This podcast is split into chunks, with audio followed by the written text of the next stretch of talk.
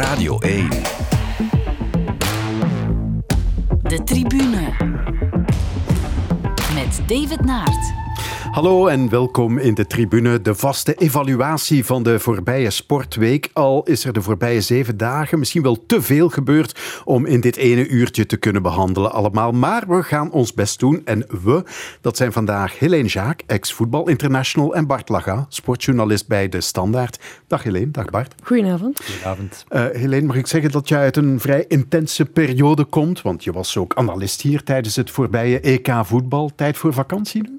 Ja, klopt. Het is een intense periode geweest, maar de vakantie heb ik al achter de rug. Ik heb ah. twee weken genomen in mei, omdat ik wel wist uh, hoe de zomer eruit zag. Zeker ook uh, naar aanleiding van de jeugdwedstrijden, jeugdcompetities die starten.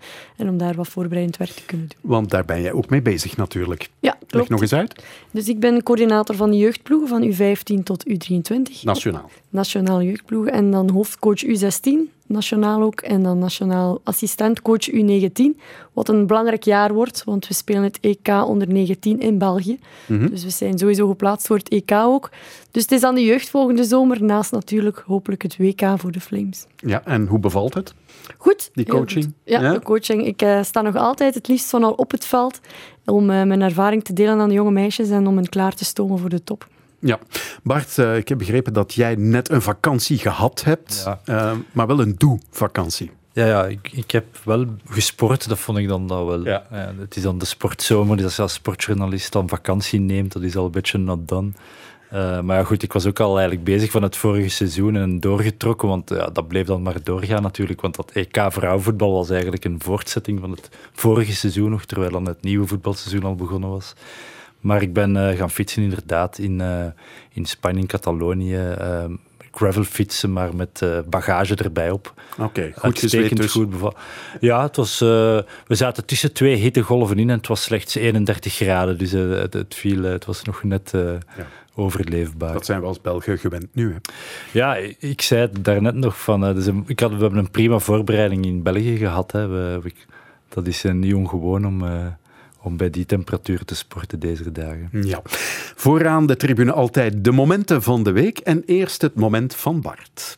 Verstappen's closing in on Charles Leclerc to make the overtake on the track. George Russell is now down in sixth place. This is looking very nice for Charles Leclerc as they go wheel to wheel. Uh, for Max Verstappen, I should say. They go wheel to wheel. Verstappen goes a bit deep, but he makes that overtake stick. What a great victory for Max Verstappen and Red Bull. Max Verstappen from 10th on the grid comes home to win the Hungarian Grand Prix. Uh, oh my god, the hard work so bad. That's why I said, uh, I I wanted to stay on the medium as long as possible. We we need to to speak with the team and everything was under control and yeah, for some reason I, I don't know what what we need to go on the hound, so I, I don't know. Het blunderboek bij Ferrari, dat wordt al maar dikker. Ja, het was, het was zo'n een race. De Hongaarse Grand Prix, normaal is dat een van de saaiste races van het jaar. Het was eigenlijk... Ooit gewonnen door een zeer trage Thierry Boutsen. Thierry Boutsen, hè, dus dat was dan typisch een race die hij kon winnen. Hij pakte de pole en hij, hij begon als eerste en hij eindigde als eerste, omdat de, de, de, het circuit daar zo smal is dat het gewoon niet makkelijk is om, om in te halen. En uh, ja, Verstappen die begon als tiende. Dus dan kon je wel denken van ja, dit wordt echt een, uh, een Grand Prix voor Ferrari om, om de kloof op Verstappen dicht te rijden. En dan hebben ze eigenlijk zichzelf niet één, maar een stuk of drie, vier keer in de voet geschoten uh, tijdens die, die race. Um, ik vind het ergens wel jammer, omdat je natuurlijk als ja, fan, ik, ik weet niet of ik me als sportjournalist fan mag, maar toch ja, liefhebber van Formule 1 Um, hoopte dat het zo lang mogelijk spannend blijft in het wereldkampioenschap. Mhm. En ja, daar ziet het nu niet naar uit, want na deze overwinning heeft Verstappen nu 80 punten voorsprong.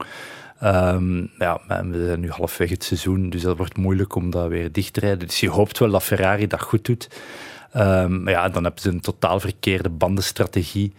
Um, bleek dat ze ervan uitgingen dat ze gewoon om die harde band makkelijk op kop konden blijven rijden, wat dus totaal niet het geval was. Alle teams hadden dat in de gaten, behalve Ferrari. Dan denk je van ja, waarvoor worden al die duurbetaalde ingenieurs en zo, wat, wat, doen die eigenlijk? Ja, want Alonso was toen al een hele tijd op die harde band aan het rondrijden en ja, dat liep voor geen meter. Nee, inderdaad. Dus, uh, daar, zit daar ook de strategie erachter. Um, En dan doet, uh, ja, doet Red Bull dat wel perfect. Um, ik dacht eigenlijk te beginnen van uh, mijn moment te kiezen voor Formule 1 om een beetje testosteron te brengen, om wat uh, in evenwicht te brengen met het, de vrouwensporten die we straks nog gaan behandelen.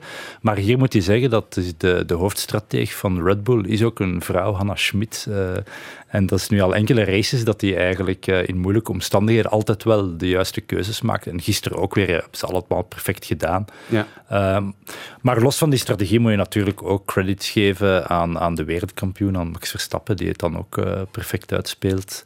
En uh, ja, dat vind ik het mooie aan dit seizoen. Het heeft echt alles. Hè. Het heeft uh, de individuele kwaliteit van de rijders. Um, het heeft uh, de strategie en alles wat daarbij komt kijken. De beslissingen van de teambazen de technologie, de, de vernieuwingen en uh, alles is heel goed in balans. En uh, de races zijn spannend en, en onvoorspelbaar. Maar en, toch hebben we de spankracht niet van een jaar geleden. Ja, nee, in het wereldkampioenschap dan. Ja, binnen ja. de races is het wel spannend, maar ja, het is altijd weer dezelfde die in de fout gaan. Uh, we zien nu wel dat Mercedes heel competitief is, maar helaas te laat om die kloof nog te dichten. Maar toch twee keer met z'n twee op het podium. Ja, en Lewis Hamilton die zegt van kijk, voor het eerst dit seizoen heb ik het gevoel dat we weer gaan meedoen voor de winst. Uh, helaas te laat is. We, ja, Red Bull heeft al een half jaar afrekenen hebben gehad met Ferrari en nu nog een half jaar met uh, Mercedes misschien. Maar uh, ja, voor de eindwinst is het waarschijnlijk te laat. Maar die individuele races blijven toch heel leuk om te volgen. Ja, en Drive to Survive. Ik zou gewoon bij Ferrari blijven rondhangen. Daar valt het meeste te rapen, het meeste te rapen, Het geroep en getier. Ja, je hoorde ook weer de teleurstelling van Leclerc achteraf, maar het hangt zoveel meer mee samen. Ik denk dat er ook niet altijd een even duidelijke hiërarchie is gesteld tussen Sainz en Leclerc. Dat speelt mm -hmm. ook allemaal mee, denk ik. eh. Terwijl Perez duidelijk wel in dienst van Verstappen rijdt. Terwijl daar de hiërarchie wel vast ligt. Hè. En natuurlijk willen we eigenlijk dat uh, alle rijders evenveel kansen krijgen, maar, maar dan zie je toch dat in de praktijk dat er eigenlijk heel duidelijk gekozen moet worden voor één kopman ook zelfs in een ploeg die maar uit twee mensen bestaat. Um, maar goed, ja, het, het, uh, het, was gisteren een dieptepunt voor Ferrari. Um, ja, uh, ik zou zeggen, ik ben niet de grootste Ferrari-fan of zo, maar ik vind het wel jammer voor uh, het vervolg van, van het seizoen dat het zo ja. gelopen is. Maar goed, ja. 80 punten is inderdaad een grote kloof. Heb jij iets met Formule 1, Helene? Ik heb het uh, vroeger heel veel gevolgd, ook met Max Verstappen en dergelijke. Maar uh, nu de laatste tijd, het laatste jaar, toch wel heel wat minder. Ja. Oké. Okay. Voor jouw moment, ja, je bent het eigenlijk dicht bij huis gaan zoeken, het EK voetbal. Alexander, hallo. Alexander, wie geht es? Hallo. Was ist denn da passiert, Alex? Äh, ja, wir wollen uns einfach mal einen Spaß daraus machen, was alles so in den sozialen Medien passiert.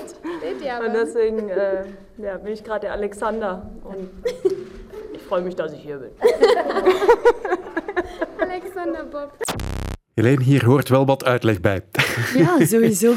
Dus uh, Alexandra Pop is de spits van het Duitse nationale team die het heel goed heeft gedaan. Ze is niet gestart aan het EK, maar is door een lange blessure, door covid, is dan uiteindelijk ingevallen en heeft haar plaats niet meer afgegeven. Heeft elke wedstrijd gescoord. En op een gegeven moment stond er in de Duitse krant op een, op een pagina van ja, misschien moet de Duitse bondscoach van de mannen dan wel um, Alexandra Pop meenemen naar het WK in Qatar. Met uh, Pop op de affiche met een snor en een pet dat achterstevoren stond. En hierop heeft zij gereageerd op een ludieke manier door naar de persconferentie te verschijnen met die pet achterop. En dan een zelfgemaakte snor uit kinesiotype. Dus het was wel hilarisch om te zien hoe dat ze toch uh, op een ludieke manier met alles omgingen richting de finale. Want vaak denk je dan, ja, stress en uh, is er niet overfocus of is er geen, ja, toch zenuwachtigheid.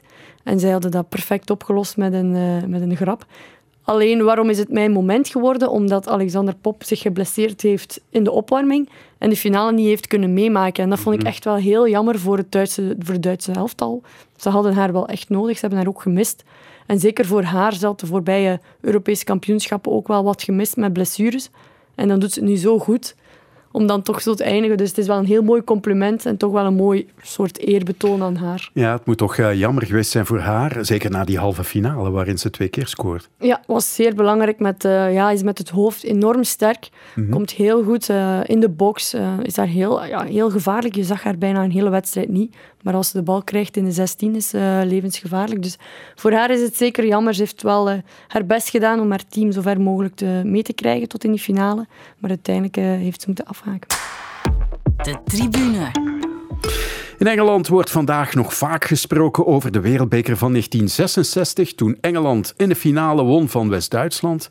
En in 2022 kan Engeland eindelijk opnieuw pronken met een voetbaltrofee. We zijn eraan begonnen. De finale van het EK 2022. 87.100 mensen werd op voorhand gezegd. Uh, Wembley zit uh, helemaal vol. Wat moet de druk groot zijn op dit Engelse elftal?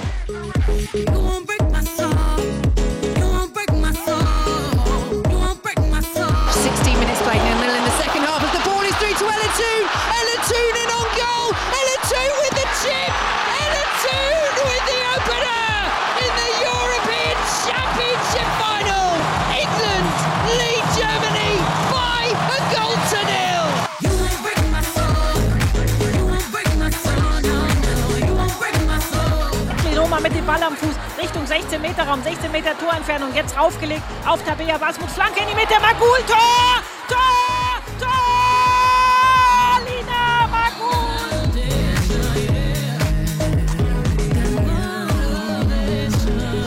Corner delivered. England almost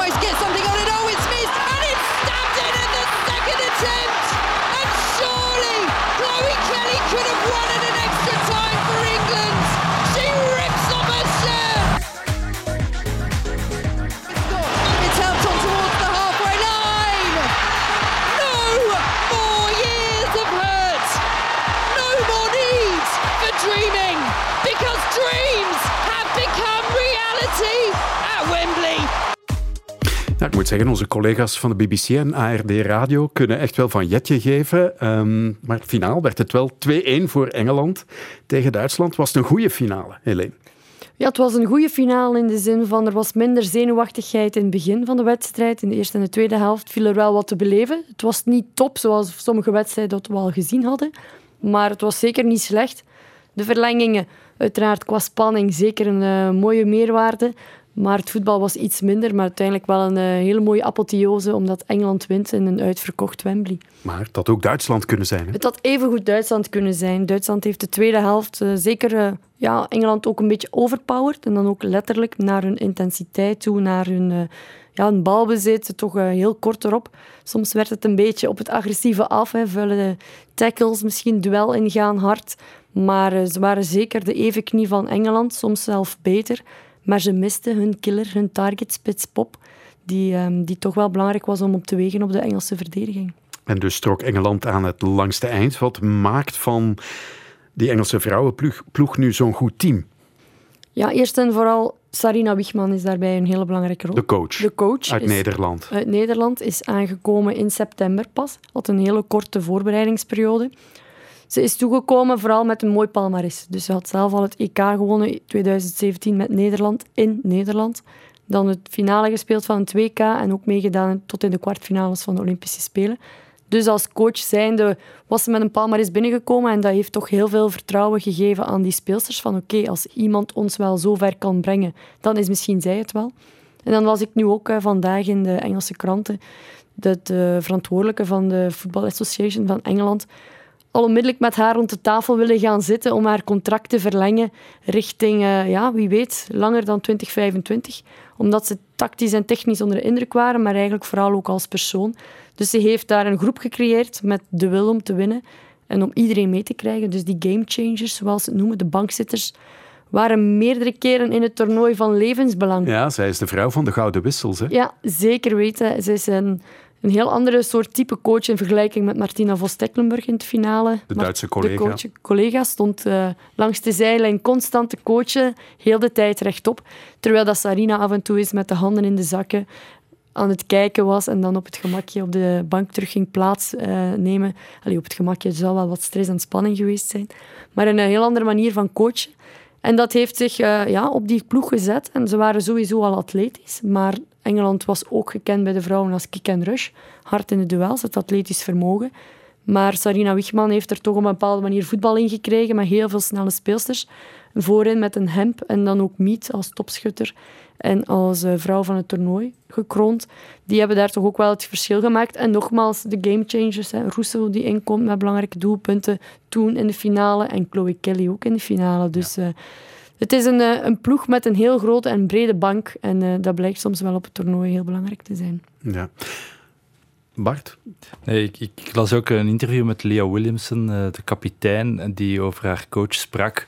En, en zij was precies veranderde. En dat was namelijk dat ze een cultuur heeft geïnstalleerd van elkaar te corrigeren. Dat de speelsters ja, elkaar durven aan te spreken op wat ze niet goed doen, maar dan wel op een positieve manier uh, elkaar motiveren om beter te worden. En ik denk dat dat heel cruciaal is en, en, dat dat ook iets is waar andere nationale ploegen, misschien ook zelfs de Belgische soms, wat van kunnen opsteken. Van durf, probeer, um, ja, gewoon elkaar beter te maken en, en, en dat, dat vergt ook wat psychologie soms, maar daar zou Sarina Wichman dus wel in excelleren. Ja, dat is een heel interessant gegeven, omdat we dat bij, inderdaad ook uh, bij de Flames merken, maar ook bij andere landen en zeker ook in de jeugd. Uh, vaak hameren we erop van communicatie, maar je kan communiceren en misschien op het randje communiceren, of je kan uh, communiceren ook in oplossingen denken.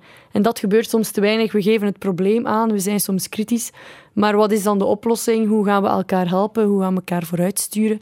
En dat is zeker een interessant gegeven om mee te nemen naar de toekomst toe. Ja. Wat vond jij van het toernooi in het algemeen?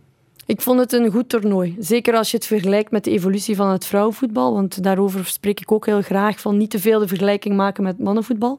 Maar als je kijkt naar de evolutie van het vrouwenvoetbal, uh, één, op mediagebied een enorme boost vooruit, een enorme stap vooruit, maar ook qua niveau. Als je kijkt naar de data van Duitsland, naar de high-intensity runs, dus de snelle meters maken, de afstanden, de intensiteit en de power dat ze kunnen genereren, dat is een enorme stap vooruit. En dat zie je ook bij de andere topploegen. Dus je had een aantal hele goede wedstrijden onder de topploegen. Dan had je een aantal mindere wedstrijden. Dus je merkt dat er nog altijd bij sommige landen een klein kloofje is misschien. Maar alle landen evolueren. Dus ze zijn allemaal op die trein gesprongen en ze gaan een evolutie in. Wat alleen maar positief is voor het vrouwenvoetbal. Dus ik was eh, heel aangenaam verrast over alles wat we te zien kregen. Maar ik hoorde jou ook zeggen, vergelijk niet met het mannenvoetbal. Waarom zeg je dat? Omdat mannen nu eenmaal sterker en krachtiger en sneller zijn. En dat mm moet je niet onder stoelen of banken durven steken. Dat is nu eenmaal zo. En uh, vroeger maakten we soms wel inderdaad de vergelijking met mannenvoetbal. Maar als we daarmee gaan blijven vergelijken, dan gaan we er niet komen, denk ik. Ik denk het vrouwenvoetbal heeft zijn eigen charmes. Er is een publiek voor. Uh, misschien een ander publiek dan het mannenvoetbal. Maar je merkt dat er ook een publiek voor is. En laat het ons op die manier dan positief stimuleren. Door, uh, door op onze manier binnen het vrouwenvoetbal uh, ook aantrekkelijk te zijn en een bepaalde charme te hebben. Ja, iets wat mij opviel, maar ik ben zeker geen kenner. de Scandinavische landen, jarenlang toch voortrekkers, internationaal ook, in het vrouwenvoetbal. Die hebben het wat laten afweten toch op dit toernooi. Ja, ondanks dat je zegt dat je geen kenner bent, is dat wel goed aangegeven. Het is inderdaad zo dat Zweden, Noorwegen toch wel de voortrekkers waren. Zeker ook Zweden. Zij hebben de finale gehaald van de Olympische Spelen, dus zij waren wel een beetje minder dan verwacht. Hebben minder gepresteerd. Noorwegen toch ook 8-0 verloren van Engeland. Mhm. Engeland was in die wedstrijd wel helemaal onder stoom gekomen. Maar het zijn, zo merk je dat de evolutie van het vrouwenvoetbal ook in de Europese landen volledig is uh, omhoog gegaan. En dat de Europese landen het aan het overnemen zijn. En dan denk ik vooral misschien ook aan de competities die in Europa heel veel sterker worden. Terwijl vroeger ook heel veel meisjes naar Zweden gingen en naar Noorwegen gingen om te voetballen, om daar sterker te worden. Ja, die sterkere competities, is dat dan in de eerste plaats Engeland of toch ook nog in andere landen? Ja, in de eerste plaats Engeland, omdat je merkt dat er daar toch wel heel grote namen op de kar zijn gesprongen, zoals de Manchester United, Manchester City, Chelsea, Arsenal.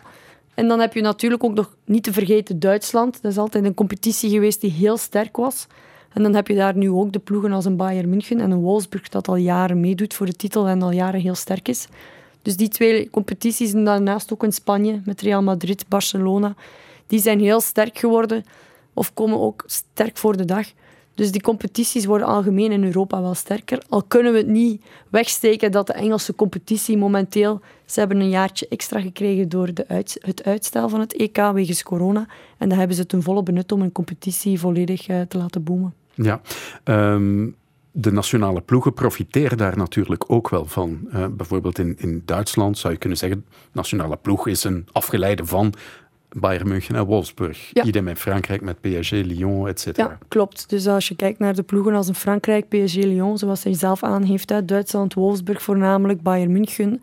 En dan uh, Engeland voornamelijk Manchester City, Chelsea, Man United. Dus dat zijn de nationale ploegen gelinkt aan de, een, uh, aan de ploegen, de clubs. Mm -hmm. Dus het heeft een, uh, een voordeel qua automatisme. Ja. ja, en dus heeft een ploeg als België, de Red Flames, automatisch een nadeel.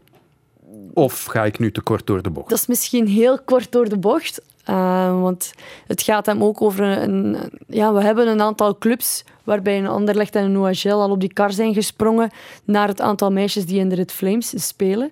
Maar ik denk dat we ook moeten gaan naar uh, profielen die ja, uh, ook in het buitenland spelen. En daar hebben we nu toch wel een aantal meisjes die het voortouw nemen met Tini de Gagny, die in Hoffenheim gaat, uh, speelt, met een Justine van Avermaat die in Reading speelt, dan nu Cassandra Misipo die in Basel gaat spelen. Dus ook meisjes die die voortrekkersrol nemen. En niet te vergeten uiteraard Janice Kaiman, die in Lyon uh, haar mannetje staat. Dan uh, Tessa Willard, die ook in Man City gespeeld heeft. Dus de meisjes die ook de stap kunnen zetten naar het buitenland om toch in een ja, in een heel goede competitie of een sterke competitie voor de dag te komen, is ook wel een belangrijk gegeven. Ja, de Red Flames overleefden op het EK de groepsfase en ze verloren in de kwartfinale nipt van Zweden. Evraar moet komen, heeft de bal half en daar, en daar Evraar en dan toch het doelpunt. Wie laatst slacht, best slacht en het zijn de Zweden. Jullie hadden vooraf gezegd, kwartfinale is ons doel. Maar als je dan dit ziet, op 30 seconden van de verlengingen stranden. Ja, we verdienen dat niet. Uh, zeker niet voor alles wat we erin gestoken hebben. Maar dat is voetbal. En uh, ja, het is jammer, het is zuur, maar uh, um, ja, ik zeg, we moeten gewoon met vier uur terugkijken op de TK, denk ik. Ben jij nu iemand die anderen oplapt in de kleedkamer? Ja, ik denk het wel. Ik zag toch heel veel traantjes, dus dat is zeker niet nodig. Ik vind toch wel dat iedereen, onze supporters, België, fier mag zijn op de Red Flames. Hoe kijk jij terug op het geheel van het toernooi? Dat wij een unieke ervaring hebben mogen beleven. Um, die voor elke speelster, uh, uh, jonkies, ervaren speelsters, uh, momenten zijn die, die we nodig hadden in onze ontwikkeling. ik denk dat iedereen binnen dit en een week, als ze thuis rustig alles analyseren, heel goed gaan kunnen beschrijven wat al het prachtige werk heeft, heeft opgeleverd.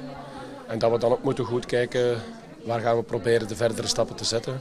Die we nu toch wel met dit toernooi bewezen hebben dat, ja, dat we die stappen gezet hebben. Bart, hoe evalueer jij het toernooi van de Red Flames? Maar het is zeker een succes omdat ze de kwartfinale hebben bereikt. Dus dat, dat, is nog nooit, uh, dat hadden ze nooit eerder gedaan. Dat is ook nog maar het tweede echt grote toernooi natuurlijk mm -hmm. dat ze gespeeld hadden. Dat was ook het doel dat vooraf was vooropgezet. Dus dat doel is ingelost. Ze hebben tegen Italië denk ik een referentiematch gespeeld. Ze waren, het was moeilijk om een goal te scoren tegen de Flames. De organisatie stond goed. Uh, ze speelden ik moet dit in alle bescheidenheid zeggen, in, in, de, in het nabijzijn van Helene, want ik ben natuurlijk ook groot geworden in dat mannenvoetbal als, als sportjournalist. Daar moet je gewoon eerlijk in zijn dat we dat, daar jarenlang minder naar gekeken hebben. Maar ja, ik vond qua organisatie en zo stond het, stond allemaal heel goed. Ze waren ook fysiek goed voorbereid. Hè. Daar is ook speciaal op gewerkt geweest. Ze hadden een voorbereiding van 50 dagen. Uh, daar heeft de Zweedse bondscoach ook naar verwezen voor de wedstrijd tegen België. Van kijk, voor België is voor mij het team dat het mij het meest aan clubvoetbal doet denken, omdat ze echt zo ook heel genereus waren in hun acties naar elkaar toe. Dus er was een heel goede samenhang. Ik denk dat dat ook wel de verdienste is uh, van de bondscoach, uh, van Yves Serneels. Um, hij heeft ook goede wissels gedaan trouwens, niet alleen Sarina Wiegman. Um, er was een goede evenwicht tussen de meer ervaren speelsters en, en, en de jonge speelsters die, die goede ervaring hebben opgedaan. Uh, maar natuurlijk, uh, ja, het, ik denk dat we, dat we er wel wel logisch zijn, zijn uitgegaan tegen Zweden. Hè? Want ik, ik, hoor natuurlijk wel in het fragment hoor je in de teleurstelling uh, Tinde Kenny zeggen van ja, dit hadden we niet verdiend. Ik denk dat dat dan vooral door de timing van de tegengoal kwam, zo diep in de verlenging. En dan inderdaad, dan, dat is echt zo zuur. 24 doelpogingen voor Zweden, Ja. drie voor de Belgen. Dat geeft dan wel aan dat het de, de overwinning van Zweden uiteindelijk wel, wel logisch was. En dat je ja, om verder te gaan dan die kwartfinale toch wel er nog iets meer moet instoppen. En dat is natuurlijk op alle vlakken. Hè. En, maar dat kan je zeker misschien die spelers ook niet eh, verwijten in die zin. Ja, zij zijn, zij zijn ook, dat geven ze ook zelf aan, ze zijn nog amateurs. Ehm, ze doen nu eigenlijk al heel veel. Ze, ze geven al heel veel op. Ehm, soms letterlijk een job om voor minder geld eigenlijk te gaan voetballen. Ehm, we moeten natuurlijk naar een cultuur waarbij zij... Ja, sommigen hadden een job in de zorg. Zij moeten daarop inleveren om dan te gaan voetballen. Ja, dat toch een... Als speels van de nationale ploeg op een niveau kan komen dat ze daardoor al een contract hebben, dat ze ervan kunnen leven, dat zou al een mooi begin zijn. Maar dat begint natuurlijk bij, bij de clubs. Dus ik zou zeggen, met de nationale ploeg, het niveau dat België nu had, dat ze er wel, denk ik, zowat het maximale hebben uitgehaald. En, en dat is zonder meer een, een prestatie. Ik zie je knikken, Helene. Ben je het eens met wat Bart zegt? Ja, ik ben het eh, volledig eens met de analyse van Bart. Ik denk, Mhm. eh, als je objectief kijkt naar de wedstrijd, het was heel zuur, vooral omdat het zo laat viel tegen doelpunt tegen Zweden. Maar als je kijkt naar de kansen die de Zweden uiteindelijk gehad hebben, was het een eh, verdiende overwinning voor, eh, voor Zweden.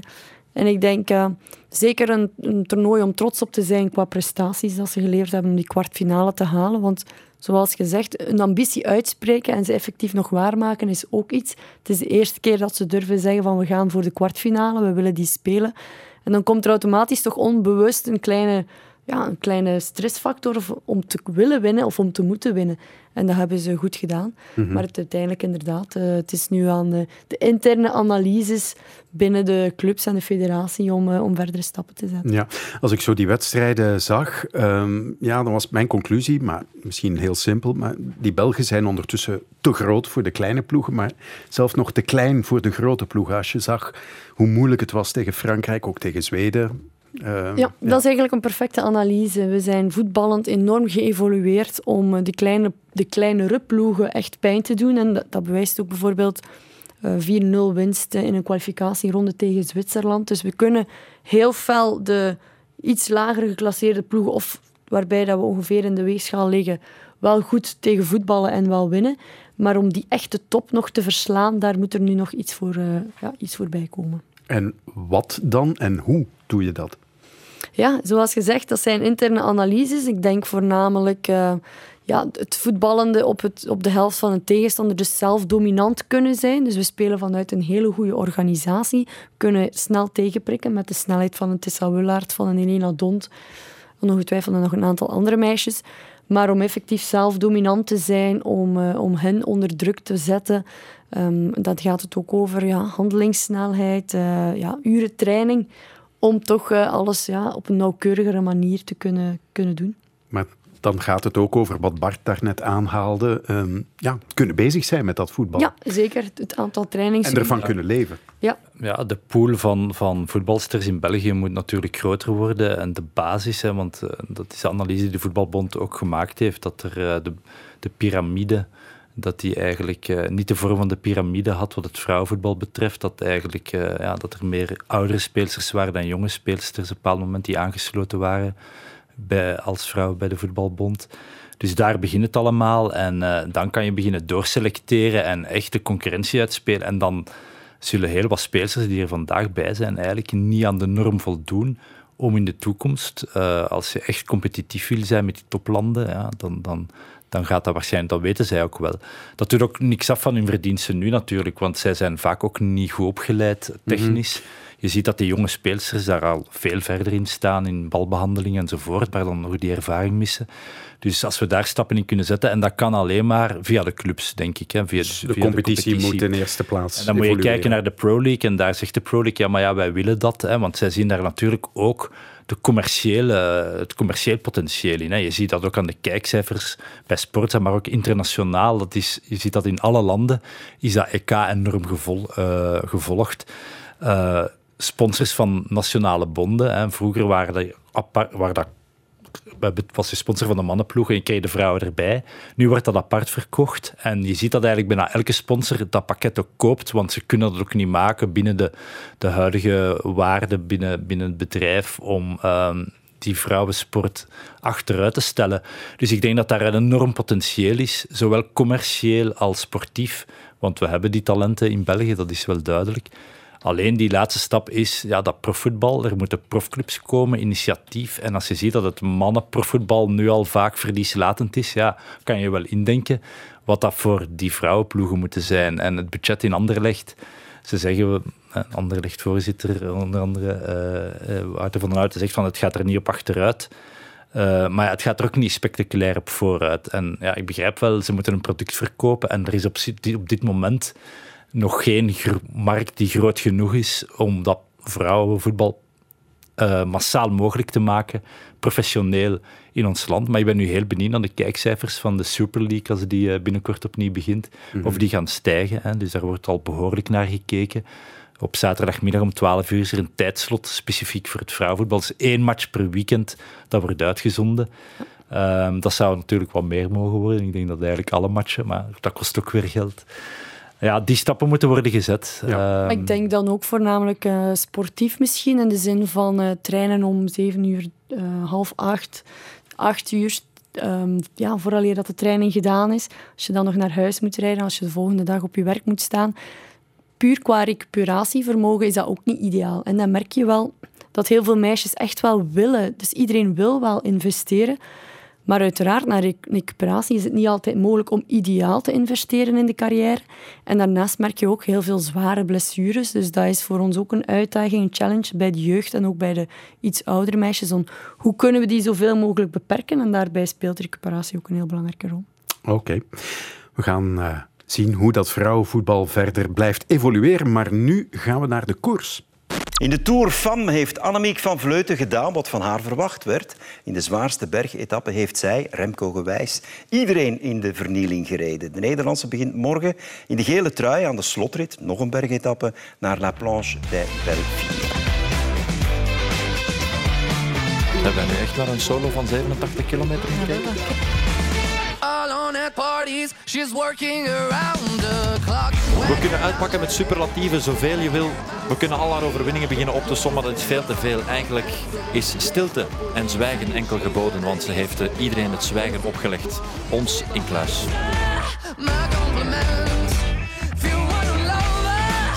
Zou er straks nog eens teruggedocht worden aan de opportuniteiten die er lagen?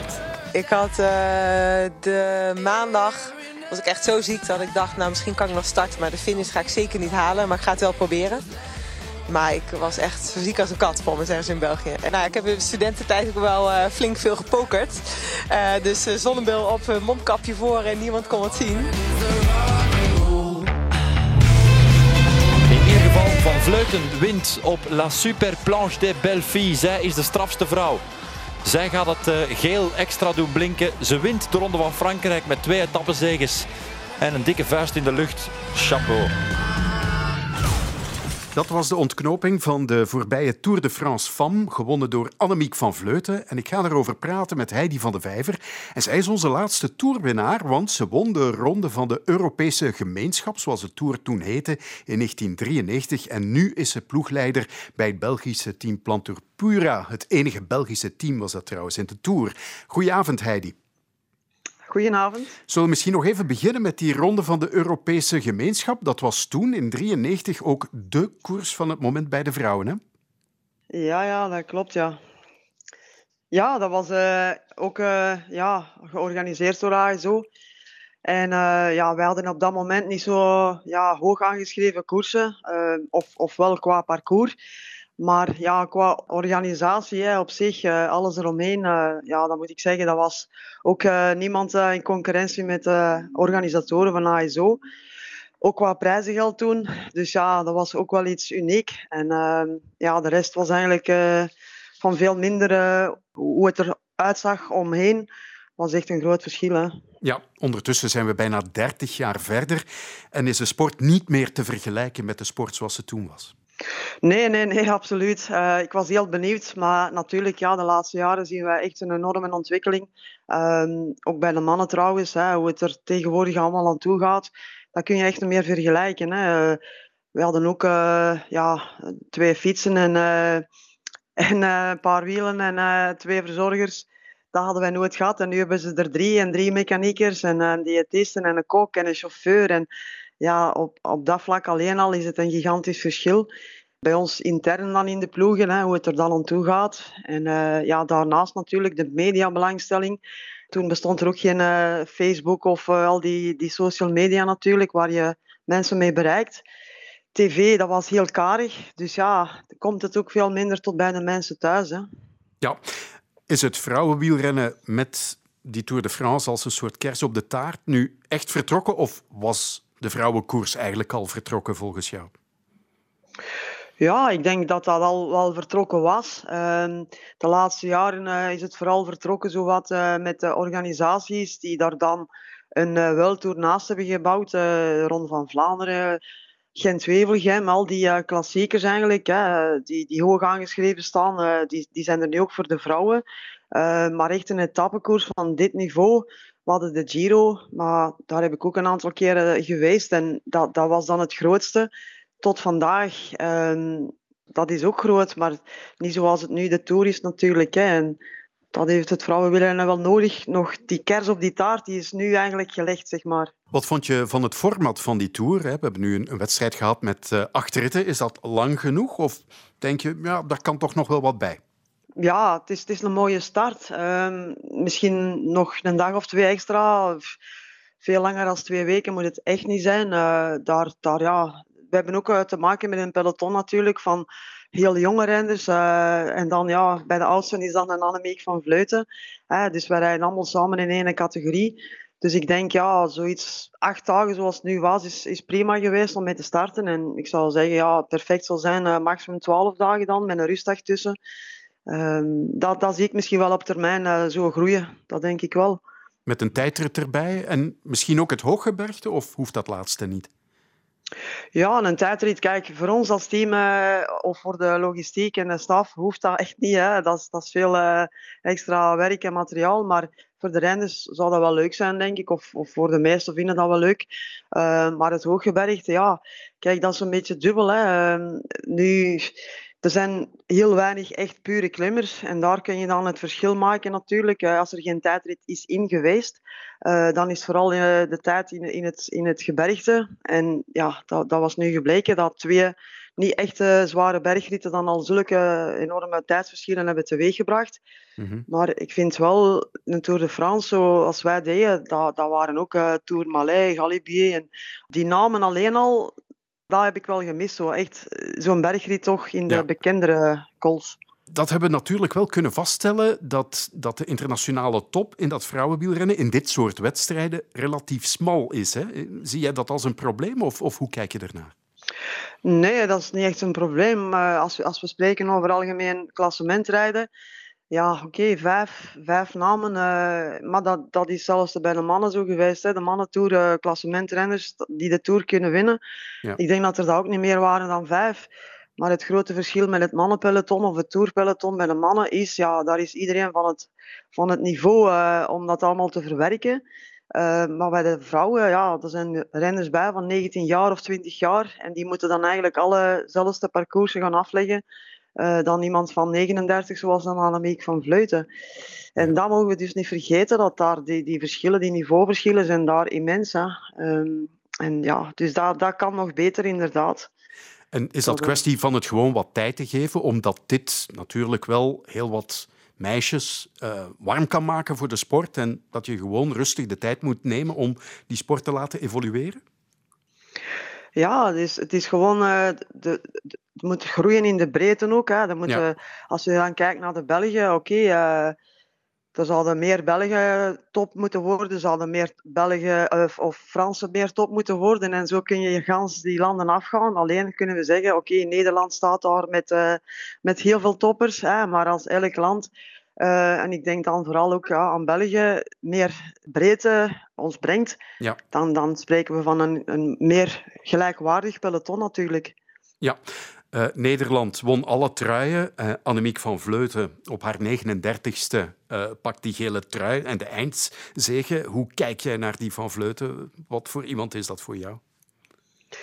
Ja, met, toch wel uh, met heel veel respect. Um, ik weet dat zij ook niet de makkelijkste is, maar ja, ik denk dat dat ook eigen is uh, aan het topsporter zijn.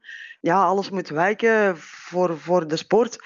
Um, soms hoor ik, ja, ze is enorm egoïstisch. Ja, ik ben dat ook wel op veel vlak geweest, omdat je gewoon, dat, dat hoort zo.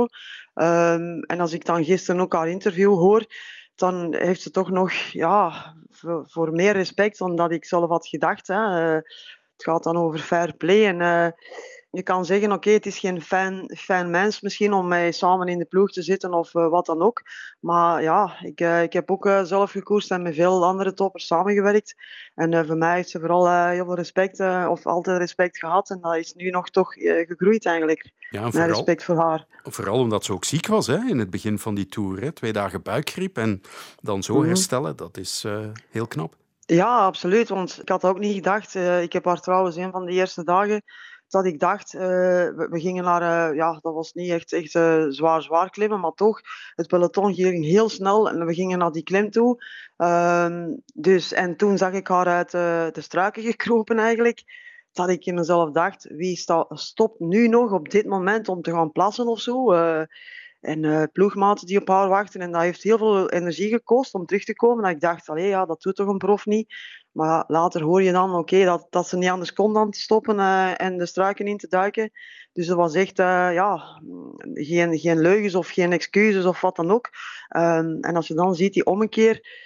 Dus ik denk dat ze natuurlijk wel geluk heeft gehad dat die, dat die bergritten eigenlijk pas ja, vier, vijf dagen later kwamen. Hè. Um, ja. ja, want het was ja, een mirakel eigenlijk. Ja, maar ze heeft het uh, toch tot een goed einde kunnen brengen. Zullen we het nog heel even over de Belgen ook hebben? Uh, Lotte Kopecky, heel straf voorjaar gereden, maar uiteindelijk wel een mm. tegenvallende tour. Heeft jou dat verbaasd?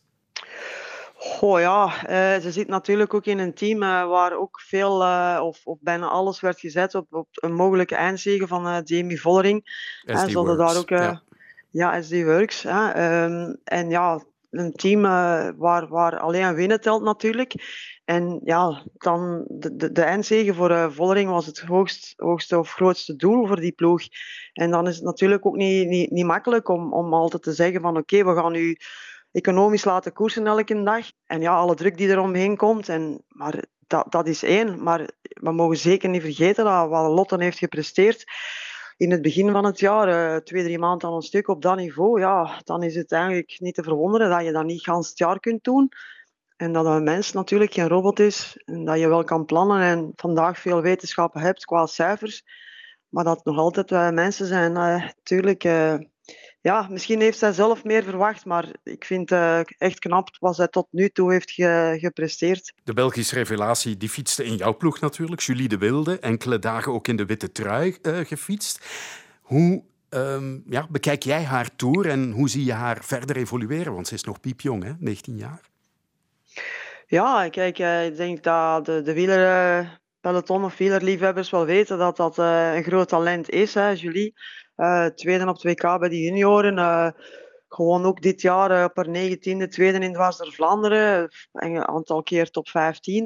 dus dan, dan, ja, dan ben je meer dan zomaar iemand doorsnijden of iemand die net komt kijken. En ja, waar ze kan komen. Ja, dat hoor ik vaak. Hè. Ik heb heel vaak al uh, van jonge renners gehoord en dat wordt een topper en dan is het toch niet.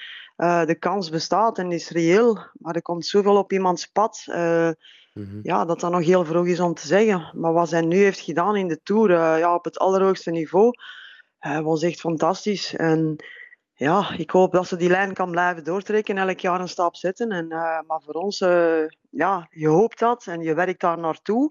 En als dat dan al lukt, niet om echt die trui te winnen. Ik denk dat dat ook niet eh, realistisch was tegen een Van Anrooy of die Burgstroom in het gebergte dan.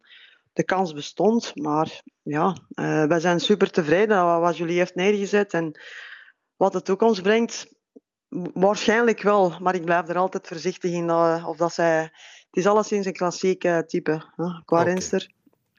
Dan zien we wel hoe ze zich verder ontwikkelt. tot slot, Heidi, hoe gaat het nu met jou? Ja, uh, dat is zo echt uh, wisselend, zal ik zeggen. Hè. Ik, uh, ik kom thuis of dan ben je terug in de realiteit. En dan heb ik ondertussen al een ziekenhuisbezoek achter de rug. En dat is, dat is echt wel dubbel. Ehm, maar ja, uiteindelijk, die Tour heeft echt wel mij vaak de dingen, de realiteit laten vergeten. Maar als je dan natuurlijk ja, terug thuis komt en dan sta je terug weer met de voeten op de grond, dat er iets niet juist is met mijn gezondheid. En uh, ja, kijk, ik, ik, uh, ik heb echt, uh, ik weet het echt niet. Ik heb van de morgen het nogmaals eens gehoord dat het echt. ik heb veel geluk gehad dat ik er heel vroeg bij was. Hè. Mijn slokdarmkanker loopt meestal niet goed af. En stadium 1 is, wordt bijna nooit ja, ontdekt. En ja, dus die tumor is weggehaald, maar daar moet een nabehandeling toch nog blijkbaar komen, omdat het al iets verder zat dan dat de dokters dachten. Ja. Maar de juiste behandeling is blijkbaar heel erg lastig. en natuurlijk wil ik niet in eerste instantie een operatie. Dus we zijn uh, alternatieven uh, ja, aan het onderzoeken, zeg maar. Dan wens ik je veel goede moed en een goed herstel. En bedankt ook om aan de lijn te komen. Heidi, fijne avond nog. Ja, dankjewel. Graag gedaan. Dag. De tribune. En mijn gasten vandaag in de studio zijn Helene Jaak en Bart Laga. Zullen we het nog eens hebben over een voetbaltransfer?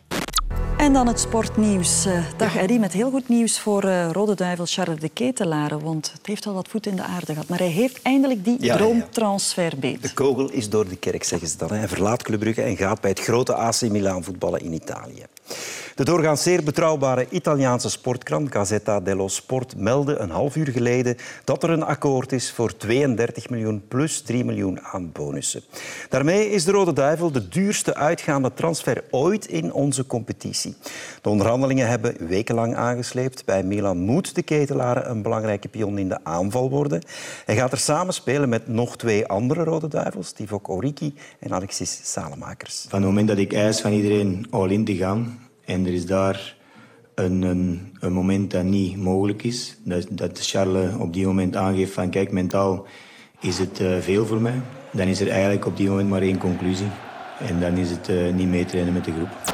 Dat was afgelopen vrijdag. Ondertussen dacht ik, die transfer gaat helemaal al in kannen en kruiken zijn. Maar het is nog altijd niet officieel, hè Bart? Ja, het is nu maan, maandagavond. Uh, volgens de laatste berichten zou hij vanavond nog afreizen. Uh, maar dat is nog niet zeker. Uh, ik heb gezien dat de Italiaanse tifosi al twee dagen aan het wachten zijn op de luchthaven in Milaan, in Malpensa, op zijn komst. Um, ja, uh, we gaan ervan uit dat het wel rondkomt, want ja, ik denk dat alle partijen te veel gezichtsverlies zouden lijden, moest het niet zo zijn.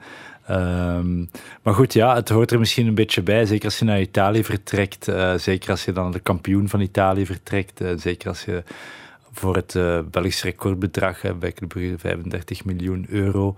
Uh, ja, dat, dat is wel iets. Hè. Dus uh, ik denk dat het zeker weegt uh, op Charles de Ketelaar. Maar laten we hopen dat het achteraf alleen maar een voetnoot zal zijn in deze transfer. Is het sportief een goede keuze om, ja, voor Charles de Ketelaar om naar Italië te gaan, naar Milan? Ja, ik denk het wel. De Italiaanse competitie is toch ook de laatste jaren terug in stijgende lijn aan het gaan. Ik denk met Ibrahimovic in de kleedkamer kunnen samenzitten, dat je daar sowieso wel iets van opsteekt. En dan Giroud ook. Uh, Alexis Salmakers heeft daar toch ook enorme progressie gemaakt. Dus voor hem misschien wel een goede stap. Uiteraard ja, een andere taal, dus uh, dat wordt ook even aanpassen in het begin. Maar ik zie het zeker wel als een goede stap voor, voor Charles om, om verder te evolueren. Nou, Charles de Ketelaar is een soort speler dat eigenlijk wel beter wordt als hij omringd is door andere goede spelers, omdat hij het wel gewoon heeft. Hè, die, die fijne techniek en die, die klasse. En je zag ook bij Club Brugge wanneer blonk uit op die Champions League op dat hoogste niveau. En dat is ook wat AC Milan in hem heeft gezien, dat potentieel. Um, ik, herinner me nog bij de Rode Duivels de eerste trainingen toen uh, dat Roberto Martinez wel liet verstaan dat hij wat te veel onder de indruk was en zich meer moest laten gelden. Want hij was ja, tussen al die grote sterren, de Hazards en de De uh, van deze wereld, dat hij toch wat moeite had. Maar goed, die ervaring heeft hij ondertussen toch ook gehad. En uh, ik maak me er weinig zorgen in. Alleen is het Italiaanse voetbal ja, heel tactisch. Um, uh, maar goed, het is een intelligente speler die, die tussen de lijnen kan spelen, die ook bij Club Brugge op heel veel verschillende posities gespeeld heeft. Dus ik zie dat eigenlijk persoonlijk wel goed komen. Ik had meer reserves toen bijvoorbeeld Alexis Salemakers ging en zie inderdaad uh, welke stappen vooruit, zoals Helene uh, zegt, hij daar gemaakt heeft. Tot, tot Rode Duivelniveau, dat had ik hem toen ook niet nagegeven. Mhm. Aardige jongen, maar die dan eerst geen wedstrijden meer wilde spelen, uiteindelijk ook niet meer trainde om die transfer uh, ja, er een beetje door te duwen ook. Hoe kijk jij daar tegen? En onze collega Ludo van der Wallen ja. van het Nieuwsblad, die ergerde zich daar blauw aan. Ja, ik begrijp die ergernis natuurlijk, want ja, waarom moet, moeten die Commedia dell'arte erbij? Um, ja, ik denk dat je op een bepaald moment is er in een transfer altijd een, een, een ogenblik dat ja, vraag en aanbod komen dichter bij elkaar. Maar hoe dichter het tegen elkaar komt, hoe moeilijker het soms is te overbruggen. Want de, de verkopende partij blijft op zijn prijs en de kopende partij. En iedereen voelt het gaat gebeuren. Men kijkt dan naar de speler om eventueel nog in te leveren. En uh, de druk ligt dan bij de speler. Dus ik begrijp dat de speler dan eigenlijk soms geen andere keuze heeft dan de druk dan weer bij de verkopende club te leggen. En ik denk dat er dat hier is gebeurd, dat de ketelaar heeft gezegd nee, um, kijk, uh, Club doen jullie nog maar het laatste kleine beetje. Um, en je ziet, ik denk dat je dat moet loszien van het karakter van Charles de Ketelaar. Want het is een, allez, zo komt hij over en zo is hij ook, denk ik, een, een goed opgevoede uh, kerel. Um, je ziet dat in heel veel transfers en ook bij spelers bij wie het minder verwacht. Maar dat is uiteindelijk daar gaan we toch vanuit, zal dat een voetnoot zijn in, in, in zijn verdere carrière. En het is naar Italië, dus een beetje comedie mag, mag er altijd wel bij. Een transfer die wel al rond is, toch ook opvallend. Arthur Theater, die van eh, Bologna verhuist naar de Franse competitie, naar Rennes, 20 miljoen. Voor een linksvoetige verdediger? Ja, linksvoetig, daar zeg je het al. Hè. Dat is, een Sokkie is ook verkocht nu um, voor bedrag, denk ik, waarbij men uh, bij Club Brugge ook wel, ja, misschien uh, wel blij is dat uh, 12 miljoen geloof ik ja, dat, dat, dat, het, was. Ja. Dus dan ga je in de dubbele cijfers, voor, omdat het nu eenmaal een profiel is dat moeilijker te vinden is. Een, een, een linksvoetige verdediger die in het geval van Sokkie ja, echt ook wel techniek heeft en, en in het geval van van uh, theater heeft hij persoonlijkheid. En, en uh, het is ook niet voor niks dat Martinez hem er ook mee heeft bijgepakt. Hij heeft het toen ook wel goed gedaan in de, in de wedstrijden. Hè? Dus hij heeft echt wel een profiel om internationaal door te breken en om een belangrijke waarde te zijn als linksvoetige. Ja, en, en Rems is ook zo'n club in Frankrijk die ambitieus is, maar die misschien nog niet die naam heeft en, en dan ook misschien net iets meer moet betalen uh, om bepaalde spelers internationals te overtuigen om de stap naar hen te zetten. Mm -hmm. Maar uh, ja, voor de Rode Duivels, uh, onze verdediging is zo wel aan vervanging toe goed. Het zal voor na het WK zijn, grotendeels natuurlijk. Maar zie je hem daar een rol spelen in Qatar? Ja, ik denk het wel. Een grote rol spelen in Qatar is misschien Moeilijk, te vroeg. Hè? Dat is zal, wel te vroeg. Maar ik bedoel zijn. wel erna. Erna het WK, dan, uh, dan zie ik hem wel een rol spelen om door te groeien. Natuurlijk elk op zijn tijd. Maar ik denk het WK zal te vroeg komen. Ik denk de laatste wedstrijden met een donker dan, aanvul, ja. aangevuld met Vertongen en Alderweireld, dat die verdediging wel de voorkeur zal krijgen. Dat stond toen ook wel goed. Dus Theat zal nog eventjes moeten geduld uitoefenen en hem eerst tonen in de Franse competitie. Ja. Uh, een speler die onze verdedigers niet zullen tegenkomen op dat WK is uh, Tissou Dali. De spits van AA Gent, slecht nieuws voor hem. Voorste kruisband uh, gescheurd van zijn rechterknie. Toch een aderlating voor Gent, hè, waar de kern al uh, aan de krappe kant was. Ja, dat is een enorme klap. Hè. Ja, dat, ja. dat was hun, hun beste speler natuurlijk.